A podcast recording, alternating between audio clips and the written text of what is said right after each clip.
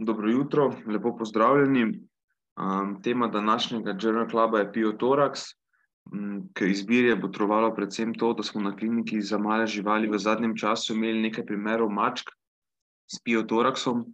Um, tako da ne gre za neko zelo eksotično zadevo ali pa patologijo, um, ki bi bila kar a priori infaustna, zato sem se odločil, da bom danes povedal nekaj, um, nekaj besed o tej bolezni. Zdaj, kaj sploh je piotoraks? Piotoraks lahko definiramo kot pleuralno nabijanje, nabiranje septične um, gnojne tekočine, ki nastane um, praviloma zaradi bakterijske, veliko redkeje glivične ali protozoalne infekcije različnih etiologij. Um, zdaj, najprej, da na hitro ponovimo anatomijo in tudi patofiziologijo procesa. Uh, pleuralna votlina predstavlja nek potencijalni prostor med pljuči in preostalim delom prsne votline, um, ki jo obdaja ta parietalna visceralna pleura. Um, tu velja omeniti tudi mediastinum, se pravi prostor, ki ločuje pleuralno votlino na levo in desno polovico. Um, zdaj pri ljudeh, ne, med obema polovicama normalno ni komunikacije, pri mačkah in psih pa še vedno ni čisto jasno, um, ali obstaja neka kompletna membrana, ki potencialno preprečuje prehod plina ali tekočine med obema polovicama, ali pa je zaradi neke fenestracije komunikacija možna. Zdaj, zakaj je to sploh pomembno? Zato, ker je večina piotoroksov pri psih in mačkah bilateralnih, vendar se lahko pojavljajo tudi unilateralno. In če tudi v fiziološkem stanju obstaja neka membrana, ki mogoče preprečuje prehod tekočine ali plina iz ene strani na drugo, je zaradi vnetnega procesa njena prehodnost lahka, lahko zlahka spremenjena. Po drugi strani pa se lahko v bistvu neke morebitne fenestracije zaradi vnetnega debrisa in materijala tudi zamršijo. Um, zato v bistvu lahko enostranski piotoraks napreduje v oboje stranskega ali pa ostane kot tak. Zelo težko rečemo, kako se bo razvil, čeprav je res večina bilateralnih. Zdaj, um, eksudatni izlivi, kot je, pioto, kot, kot je piotoraks, so posledica vnetnega procesa v pleuralni votlini, uh, ki povzroča sproščanje citokinov in vnetnih medijatorjev, Um, zdaj to vodi v spremembe kapilarne prepustnosti uh, in ali motnje v limfatičnega toka, um, tako pride do nabiranja tekočine v plavelalni votlini, uh, ki je ta tekočina pa bogata s proteini, celicami in raznimi makromolekulami. To bom potem tudi povedal, je pomembno pri sami diagnostiki. Um, prav tako pa se v bistvu zaradi vnetja v tem področju poveča krvni pretok, kar potem še dodatno poveča hidrostatski tlak v kapilarah. Um, to je še en izmed faktorjev, ki vodi potem v dodatno akumulacijo tekočine. Uh, prav tako je pa potem prisotna zadebelitev pleure, uh, kot posledica nekega vnetja edema, ne na zadnje tudi nalaganja fibrina. Um, to še dodatno se pravi zmanjšuje normalen pretok. Zaradi vseh teh sprememb pa je zmanjšana tudi resorpcija proteinov, kar se skupaj potem vodi v nabiranje tekočine. Zdaj, etiologija. Um, Piotoraks je v bistvu diagnoza, ki je postavljena pogosteje pri mačkah kot pri psih. Um, kljub številnim, sicer res večinoma retrospektivnim študijam, je prevalenca piotoraksa v populaciji tako psov kot mačk nepoznana. Zdaj, če malo primerjamo pse in mačke, se najpogostejši vzroki, ki, ki botrujejo k nastanku piotoraksa, kar razlikujejo. Zdaj, potrebno je pa tudi vedeti in v štartu takoj povedati lastnikom, da v veliko primerih dejanski vzrok piotoraksa ostane neugotovljen, kljub neki, neki opravljeni nadaljni diagnostiki. Um, to je pač lahko zelo frustrirajoče, ampak ne nujno vpliva, se pravi, na sam potek zdravljenja. Zdaj, v študijah pasjega piotoraksa uh, je bil recimo dejanski vzrok mogoče ugotoviti samo v 2 do 22 odstotkih primerov, pri mačkah je ta delež v bistvu nekoliko višji. To je bilo možno v 35 do 67 odstotkih. Zdaj, pri psih, po podatkih literature, so pri psih najpogostejši vzrok piotoraksa tujki, eh, ki migrirajo večinoma po respiratornem sistemu. Največkrat so to lahko različne trave ali pa delčki klasija, na zadnje so pa seveda lahko vsi, eh, oziroma to raznoliki tujki. Eh, vzrok piotoraksa so, so pa lahko tudi v bistvu penetrirajoča ali topa travma prstnega koša, bodi si neka hematogena ali limfogena razširitev patološkega procesa iz drugega dela telesa, potem perforacija požiralnika v torakalnem delu zaradi različnih etiologij, potem tudi tako imenovana parapneumonična razširitev. O tem bom povedal še nekaj besed pri mačkah.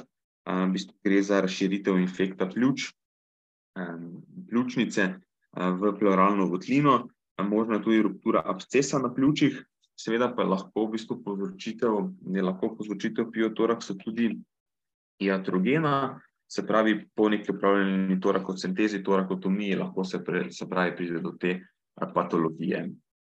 Um, no, torej, lahko je v bistvu tudi vzrok piotoraksa neka, se pravi, nek tumor, neka neoplastična etiologija, eh, ki potem povzroča izliv. Um, zdaj, potrebno se zavedati, da tudi, kadar dejansko piotoraks povzroči nek tujek, a, tega ni mogoče vedno najti, bodi si torakotomiji ali pa celo potem na patologijo v raztelezbi. Um, zdaj, vzrok temu tiči v majhnosti tujka, bodi si v neki težko dostopni lokaciji. Zdaj, možno je tudi neka močna vnetna reakcija telesa, ki potem to zakrije, ali pa seveda nadaljna migracija tujka um, rastlinski majhni delčki pa lahko jasno tudi razpadejo.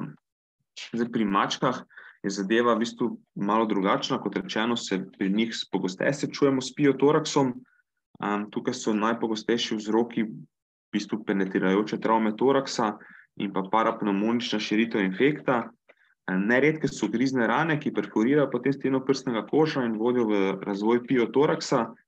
Um, Te so tudi zelo dolgo veljale no, za najpogostejši vzrok piotoraksa pri mačkah. Pri tem govori naprimer podatek, da so bakterije v bistvu izolirane iz piotoraksa ter te iz tako imenovanih cat-bite abscesov precej podobne. Piotoraks je tudi približno štirikrat bolj pogost pri mačkah, ki izhajajo iz gospodinstva z več živalmi, kar posledično pomeni več morebitnih ugrizov. Kljub temu pa ni študij, ki bi statistično umestile ugriz kot najpomembnejši vzrok piotoraksa pri mačkah.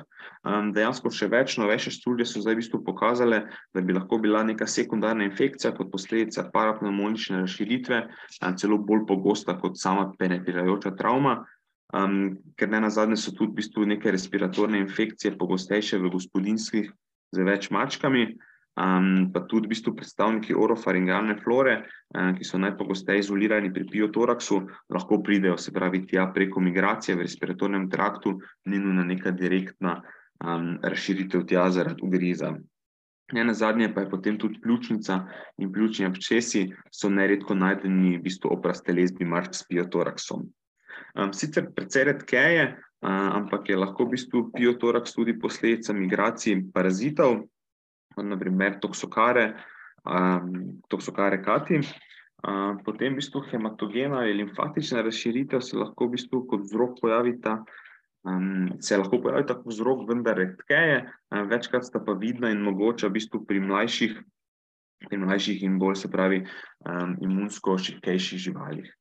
Ni bilo pa ugotovljeno nobene povezave v bistvu med piotoraksom in virusom Afele-Rufiju, Um, kar je v bistvu precej zanimivo, bilo je upravljeno kar nekaj raziskav. Bom pa tudi povedal kasneje, je pa pri teh mačkah, se pravi, tudi če ni ugotovljene neke vzročne povezave, smiselno, da se pri sumljivih mačkah upravi diagnostika, da se pač ta, te dve bolezni izključita. Zdaj, diagnoza piotoraksa, sam postopek postavitve je vsaj v, te, v teoriji precej jasen. Vedno moramo biti pozorni pri živalih, ki kažejo neke ustrezne klinične znake, da je pa res, da so ti lahko precej nespecifični in tako povod temu, da se končna diagnoza postavi že v precej napredovani fazi bolezni. Čist po literaturi no, so precej pogosto prizadete mlajše živali, jasno pa se lahko piotoraks pojavi pri vseh starostnih skupinah. Zdaj najpogosteje opaženi znaki strani lasnikov, um, so letargija, zmanjšan apetit ali anoreksija in pa dispneja. Zdaj, za razliko uh, od psov se pri mačkah kašelj pojavlja redkeje. Um, zdaj, vročina se pa podatkih literature pojavi v 30 do 50 odstotkov primerov, kar dejansko niti ni tako veliko, uh, je pa dejstvo, um, da k temu verjetno potruje to, da so živali v bistvu že neredko, oziroma neredko dobijo um, nek antibiotik, preden pridejo, v bistvu, prednje potem ugotovljena dejanska diagnoza. V zelo hudih primerih so lahko živali pripeljane tudi v septičnem šoku, takrat je tudi lahko prisotna hipotermija. Zdaj, sam dober klinični pregled in slikovna diagnostika nam najprej omogočita postavitev diagnoze nekega pleuralnega izliva, potem pregled punktata s citološko preiskavo, pa upravljeno mikrobiološko kulturo, pa potem omogoči dejansko postavitev diagnoze piotoraksa. Um, zdaj, v bistvu, osnovna diagnostika zajema tudi odvzem krvi za hemogram in bio, biokemijo. Na hemogramu je pogosto prisotna leukocitoza z neutrofilijo, um, bodi si z ali brez pomika v levo, se pravi tega left shifta. Um, v bistvu ta, to se pojavi v bistvu pri psih v 56 do 90 odstotkih primerov, pri mačkah pa tam od 30 do 70 odstotkov primerov. Zdaj, pomembno je povedati, da samo odsotnost leukocitoze ni dovolj za izključitev um, diagnoze piotoraksa, ker lahko v bistvu pride zaradi nekega septičnega stanja in tudi posledične sekvestracije neutrofilcev do neutropenije. Um, je pa res, da je bilo v eni študiji uh, ugotovljeno, v bistvu, da je bilo preživetje mačk uh, ugodno povezano z stopnjo leukocitoze. Um, kot že rečeno, čeprav ni bilo ugotovljeno nobene neke vzročne povezave, se je pač pri mačkah z neznanim statusom smiselno odločiti in preveriti stanje fele v FIU. Zdaj potem slikovna diagnostika. V bistvu ultrazvok omogoča hitro postavitev diagnoze pluralnega izliva, prav tako je pa tudi edina v bistvu metoda, ki se lahko korektno poslužimo pri živalih v dihalni stiski, Um, z nekaj izkušnjami lahko potem diagnostiki no, uh, tudi ocenijo obšeznost fuzije in njeno ehogenost.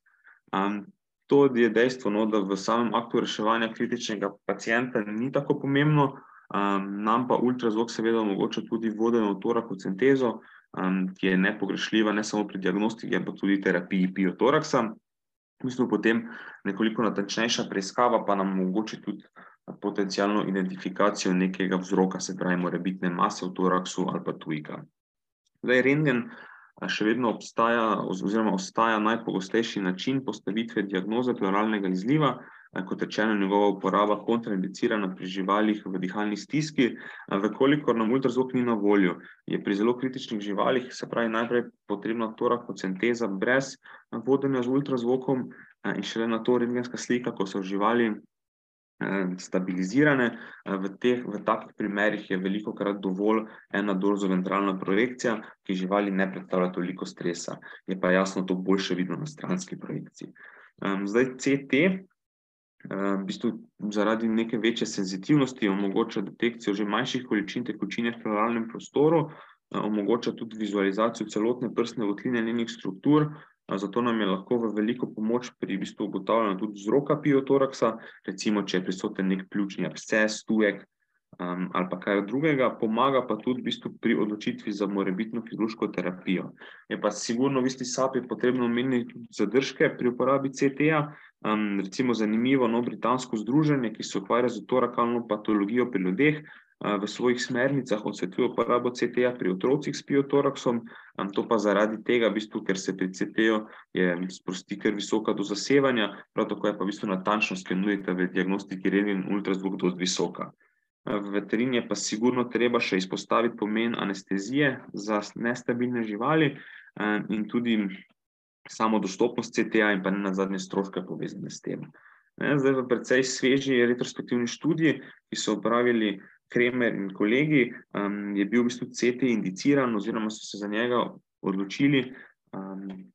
Pravi, največkrat v, prim, v, v primeru neuspešnosti medikamentoznega zdravljenja, to pa so opredelili kot odsotnost kliničnega izboljšanja živali v tam treh do petih dneh terapije, v povečanju ali neki konstantni količini prevladnega izliva, bodi si, če je ustrajala povišena telesna temperatura, ali pa če je bila že v bistvu rengensko vidna neka konsolidacija pljučnega režnja in s tem dost jasen sum na neko spodaj ležečo patologijo, ki je potencialno tudi operabilna. Zdaj, za dejansko potrditev diagnoze pa je potrebna analiza punktirane tekočine. Um, to dobimo z, z torakocentezo, um, ki je že kot rečeno no, tako diagnostično kot terapevtsko orodje. Zdaj, pri biotoraksu tudi makroskopska ocena punktata oziroma tekočine je lahko precej povedna. Um, zdaj, taki septični polentni eksodati so večinoma motni, opačni. Lahko je včasih viden taki res prav kosmičast material. Veliko krat je prisoten tudi neprijeten von. Um, ta je v večini primerov posledica infekcije z anaerobi, vendar pa jasno, samo odsotnost neprijetnih vonjav ne izključuje diagnoze biotoraksa. Zdaj, čisto po tej klasični razdelitvi tekočin oziroma infuzij, v bistvu biotorak sodi med eksudate. Tja so uvrščene, se pravi, tekočine z karakteristikami, kot več kot 30 gramov proteinov na liter, potem, kadar je številčnost celic več kot 7000 na mikroliter vročevane tekočine, in pa kadar je specifična teža večja kot 1025. To pa so pač karakteristike, ki se lahko pojavijo tudi pri izlivih, povezanih recimo s tumorji ali pri FIP-u, zato si lahko še malo pomagamo, se pravi z merjenjem glukoze, pH-jem ali pa v bistvu merjenjem laktat dehidrogenaze. Saj tega, no, slednjega pri nas ne merimo rutinsko, je pa recimo, no, pri biotoraksu pH navadno nižji od sedem cela dva, glukoza pa tam nižja od vrednosti med ena cela sedem pa tri cela tri milimole na liter. Zdaj samo po sebi nam te vrednosti ne povejo zares veliko, lahko pa se uporabijo predvsem za primerjavo oziroma neko izključitev fuzij drugih etiologij. Na primer pri neoplastičnih infuzijah je pH običajno nekoliko višji kot pri biotoraksu, pri teh neoplastičnih je v bistvu tam po navadi višji od sedem cela štiri, pri v bistvu mačkih s FIP-om pa je tudi jasno v, tej tekočini precej visoka vrednost proteinov. Zdaj, izjemno koristna je pa tudi citološka preiskava punktata, ta je smiselna zato, ta je smiselna zato, da se oceni morebitna prisotnost bakterij in pa tudi pač jasno celična populacija v samem punktatu. Zdaj, bakterij mi lahko ne vidimo, to je možno, če so, se pravi, živali že dalj časa zdravljene z antibiotikom ali pa če v bistvu imamo tudi opravka z nekim povzročiteljem, ki ga nam klasična barvanja ne obarvajo. zdaj značilna celična populacija biotoraksu so nevtrofilci, ki potem res v takih primerih predstavljajo več kot petinosemdeset procentov v bistvu populacije preštetih celic. vedno, vedno pa moramo citologijo upoštevati skupaj s celično kulturo, ki jo jasno moramo tudi v bistvu poslati, narediti v okviru diagnostike. zdaj v prej omenjeni študiji, mačjih biotoraksov so bile v bistvu v petih od sedeminštiridesetih primerov, se pravi citološko vidne intracelularne bakterije, kultura pa je bila negativna, v šestih primerih pa je bila situacija obratna, tako da vidimo, da lahko v bistvu tudi pri, pri sami sedaj mikrobiološki kulturi, pride do lažno negativnih, do lažno negativnih rezultatov. Okej, zdaj še nekaj besed o terapiji.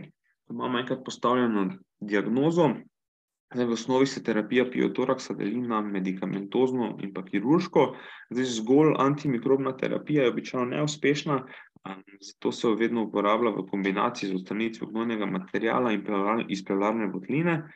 zdaj namen je odstraniti jasno čim več tega materiala, čim več okužene tekočine iz toraksa, tudi na ta način izboljšati klinične znake pacienta, ter v bistvu preprečiti neke sekundarne spremembe, ki lahko sledijo iz, kroničnega biotoraksa. Zdaj hitro posredovanje in uspešno opravljena torakocenteza, močno zmanjša smrtnost, sploh pri kritičnih pacientih, vendar pa je recimo v literaturi opisano zelo malo uspešnih primerov, kjer bi zgolj z enkratno, se pravi torakocentezo, brez nadaljnje, vstavitve torakalne drenaže in potem izpiranja prišli do nekega ugodnega rezultata. tudi večkratno punktiranje, se pravi ponavljajoče se torakocenteze so indicirane bolj v primerih, če imajo lastniki neki zadržek pred, pred vstavitvijo torakalne drenaže in recimo alternativa temu evtanazija, velikokrat je to čisto zaradi finančnih razlogov. v tem primeru je opisana uspešnost terapije manjša, poroča se o smrtnosti tam med petdeset do osemdeset procentov, kar je jasno,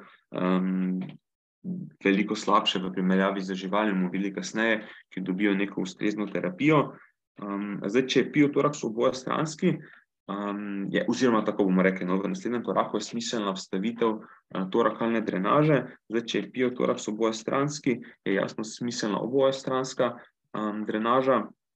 Ni pa nekih podatkov, no, da bi bila obojestranska drenaža indicirana pri enostranskem biotoraksu. Zdaj glede torakalne lavaže oziroma izpiranja prstnega koša obstaja tudi kar v bistvu precej kontroverznosti, tudi v humani medicini, ne samo v veterini. Zdaj v veterini številne študije zagovarjajo uporabo lavaže prstnega koša pri mačkih s biotoraksom, vendar pa za neko zanesljivost še vedno primanjkuje, v bistvu količina podatkov. Ne. Zdaj, v študiji Kremerja um, je, je pa kar nekaj študij, se pravi, kot rečeno, ki to zagovarjajo. Uh, in tudi v tej študiji Kremerja uh, so uporabili lavažo, um, v bistvu pač lavažo prstnega koša, 2 do 4 krat dnevno. Tu so uporabili do 20 ml. Sterilne fiziološke tekočine na kilogram živali, to so že kar visoke vrednosti, so pa v bistvu to količino, glede na um, odziv živali, prilagodili. Um, zdaj, kdaj je odstranitev drenaže smiselna? Um, odstranitev drenaže je jasno smiselna, ko se zmanjša produkcija tekočine um, pod 2 ml na kilo živali na dan, um, kadar se v bistvu izboljša konsistenca in tudi barva tekočine, na citološkem pregledu tekočine, pa potem tudi ni vidnih bakterij. Zdaj, Ponekod je opisana v bistvu tudi kot neka možna terapija, intrapleuralna aplikacija fibrinolitikov. Zdaj, ta metoda je v veterini slabo raziskana, prav tako pa ni priporočljiva za uporabo pri ljudeh, zato potem tudi v večini teh primerov, oziroma teh študij, ni uporabljena. Zdaj, antibiotična terapija, um, jaz se bom danes bolj osredotočil na antibiotično terapijo mačjega piotoraksa, ker je na zadnji pogostejši, um, se pa zaradi v bistvu malo drugačne prevalence izoliranih bakterij, večinoma nekoliko razlikuje od terapije pri psih. V večini primerov se pravi, gre pri piotoraksih za tako imenovano polimikrobno infekcijo, ki jih povzroča orofaringalna mikroflora. Zdaj, prvi korak jasno protimikrobne terapije je neka empirična izbira primernega antibiotika. Izberemo širokospektralni antibiotik, ki ga pa potem po prijetem vzorcu antibiograma po potrebi prilagodimo. Zdaj, idealno si želimo antibiotik, ki deluje proti obligatornim anaerobom in fakultativnim bakterijam. Zdaj, obligativni anaerobi so pri mačkah praviloma občutljivi na kombinacijo amoksicilin klavulanska kislina, zato se v bistvu Um, zato je veliko krat uporaba, se pravi, rednega dreniranja prstnega koša, se pravi, mehanske odstranitve in uporaba tega antibiotika veliko krat adekvatna. Zdaj, ta antibiotik so dali tudi v, eh, v, 18, v, v bistvu v primeru 18 eh, od 47 mačk v študiji, um, ki sem jo danes že omenil in se nekako vzel za vodilo. Um, zdaj, tam so uporabljali to dozo, no, 20 mg na kilo, um, na 8 ur in pa intravenozno aplikacijo. Zdaj, kot empirična terapija za gram negativne fakultativne bakterije, velja na splošno, se pravi, dodatek uh, aminoglikozidov ali pa fluorokinolonov, Zdaj je pa tako, no, da so pri mačkah s piotoraksom enterobakterije izolirane dosti redko, recimo E. coli v 7% primerov, najpogostejša gram negativna bakterija pa je um, pastorela. In v bistvu en študij je bila izolirana kar v 63 primerov mačjih piotoraksov, um, je pa praviloma občutljiva na fluorokinolone, aminoglikozide in pa na derivate penicilina. Zato, v bistvu, um, zato je vprašljivo, ali je v bistvu dodatek teh prvih dveh skupin. Um, k amoksi, k, um, v bistvu, ja, kot dodatek teh prvih dveh skupin, k kombinaciji amoksi, um, amoksicilin s klavolansko kislino pri začetni empirični terapiji, sploh potreben.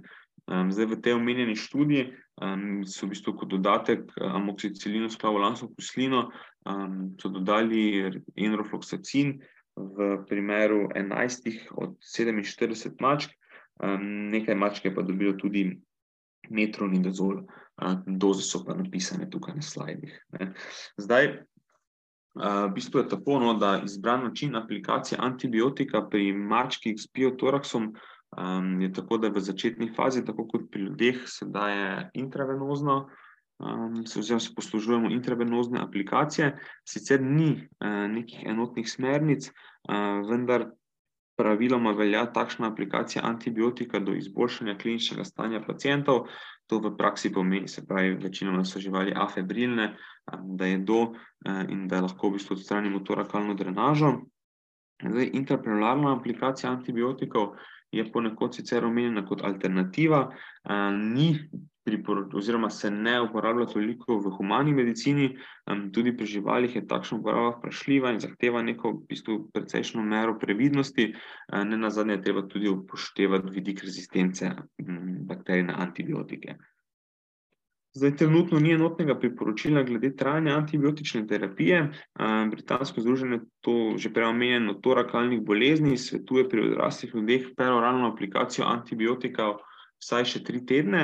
Zdaj v študiji Kremerja in sodelavcev je pa bil medijani čas peroralne aplikacije antibiotika še štiri tedne po odpustu. Jasno, no, je pa potrebno pri prizadetih živalih se posluž, posluževati tudi ustrezne tekočinske terapije in analgezije. Zdaj še vedno primankuje podatkov in jasnih kriterijev, kadar gre za odločitev in izbor kirurške terapije piotoraksa. Um, to je v bistvu veliko krat torakotomija.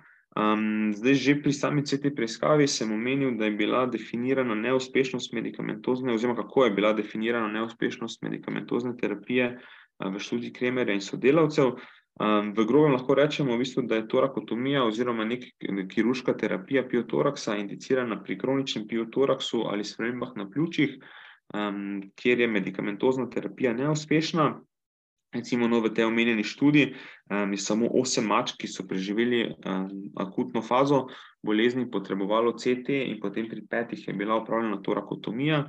Um, zdaj, v bistvu za nekoliko hitrejši poseg se pa lahko odločimo, če imamo res nek močan sum tujka ali pa operabilne spremembe v pljučnem tkivu oziroma med jastinom. Zdaj pa za na konec še nekaj besed o prognozi. Um, Prognoza piotoraksa pri maških in psov je precej variabilna, ampak je pomembno, da se zavedamo, da je z ustrezno terapijo lahko celo zelo dobra. Um, je pa res, da predvsem pomanjkanje neke standardne terapije, različne etiologije in tudi različni tipi populacij vplivajo na dosta raznoliko stopno preživetja. Zdaj, pri pregledu literature je preživetje pri mačkah tam okoli 62%. V tej študiji, ki sem jo danes večkrat omenil, je pa bilo kar 68% mačk še živih po enem letu od zaključka terapije. Um, in v bistvu nekako veliko krat imamo mački, ki so preživeli več kot 24 ur hospitalizacije, zmerno dobro prognozo, ker v bistvu potem večina poginov in tanazij se zgodita v teh kritičnih prvih 48 urah. Um, zdaj, kar je tudi pomemben podatek, ki verjetno vpliva na odločitev lastnikov, uh, o izbiri morebitne terapije, je to, da je stopnja ponovitve piotoraksa precej nizka, um, zdaj tam do 14% so zapisani podatki, je pa potem, če se ponovi, jasno povezana z slabšo prognozo. Um, je pa potrebno lastnikom jasno takoj povedati uh, in tudi upoštevati dejstvo, da je lahko strošek celotne terapije, uh, kljub, oziroma da je strošek celotne terapije, kljub to z dobri prognozi, praviloma zelo visok. Aha, pa v tej študiji uh, je v bistvu bilo štiri od pet upravljenih torakotomij so se izkazali za uspešne. Evo, to je to. Um, jaz bi s tem zaključil. Tako da hvala vsem za pozornost, pa vam želim še lep dan.